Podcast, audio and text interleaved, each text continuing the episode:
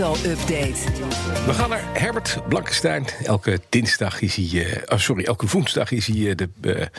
zeggen. Onze man. Ja, ik wou het net even. Voor de crypto-update is hij bij ons op elke woensdag. Presentator van BNR's Cryptocast. De podcast over Bitcoin en andere digitale coins. Herbert, goedemorgen. Nou, het was een Ja, wat moeizame inleiding, maar we gaan nu met vliegende Ja, vaart van start. Nu de bear market verleden tijd leidt, komen er weer berichten over bedrijven die besluiten om Bitcoin als betaalmiddel te accepteren. Nou, noem eens een mooi voorbeeld. Nou, om te beginnen, de Franse thuisbezorgd, dat heet Just Eat, ook in Frankrijk, Mhm. die accepteert wordt aan Bitcoin. En dat betekent dat je nu in 15.000 Franse restaurants met Bitcoin terecht kunt. Oké. Tenminste, als je vanuit huis je maaltijd bestelt. Hè. Just Eat regelt dit in samenwerking met BitPay. En dat betekent dat in feite BitPay die Bitcoins inneemt. En dat de restaurants gewoon euro's krijgen. En ik denk zelfs dat ze ook Just Eat als tussenpersoon die euro's krijgt. Eh, en ik denk ook dat als je uit eten gaat in diezelfde restaurants, dat ze geen bitcoin zullen accepteren.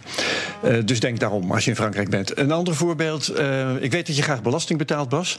Dus Ja, als je dat heel. in bitcoin wil doen, dan kan dat in het Zwitserse kanton Zug. Leuk. Dus dat is een prachtig selling point voor bitcoin-fans om in Zug te gaan wonen. Ja, kan je er meteen een Zwitserse bankrekening openen. Eh, eh, En je kunt nu ook, als je dan toch bezig bent, meteen je privévliegtuig afrekenen in bitcoins.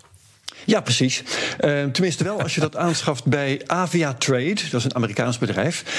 Denk bijvoorbeeld aan de 2014 Gulfstream G650ER, je weet wel. Ja. Het schijnt dat eh, Elon Musk, ja, die ken je, hè? Eh, Elon Musk en Jeff Bezos hem ook hebben. Die kost 3750 bitcoin.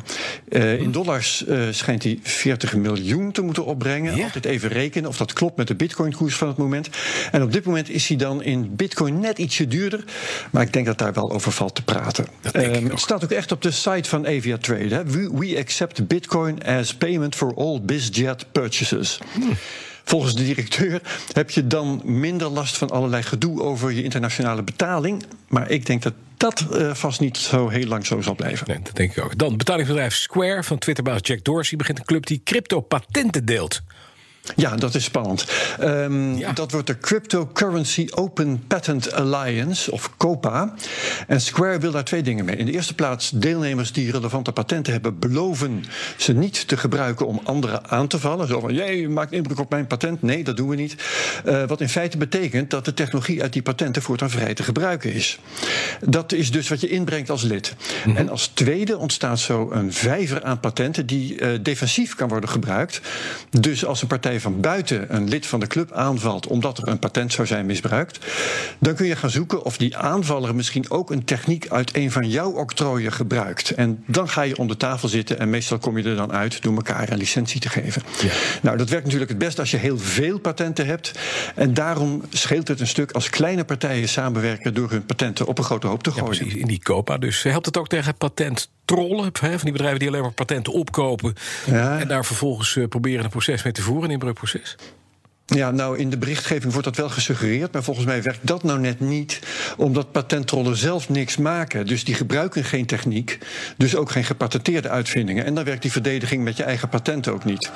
Ehm, de meeste patenten op cryptogebied zijn trouwens van Alibaba. Dat heeft 2344 patenten en de meeste zijn dan op het gebied van blockchain-technologie. Tencent is een goede tweede. En of die Chinese bedrijven dan zullen meedoen, waag ik te betwijfelen. Maar in elk geval zijn het geen trollen, dus dat scheelt alvast. Nou, wie zit er morgen in de CryptoCast tenslotte?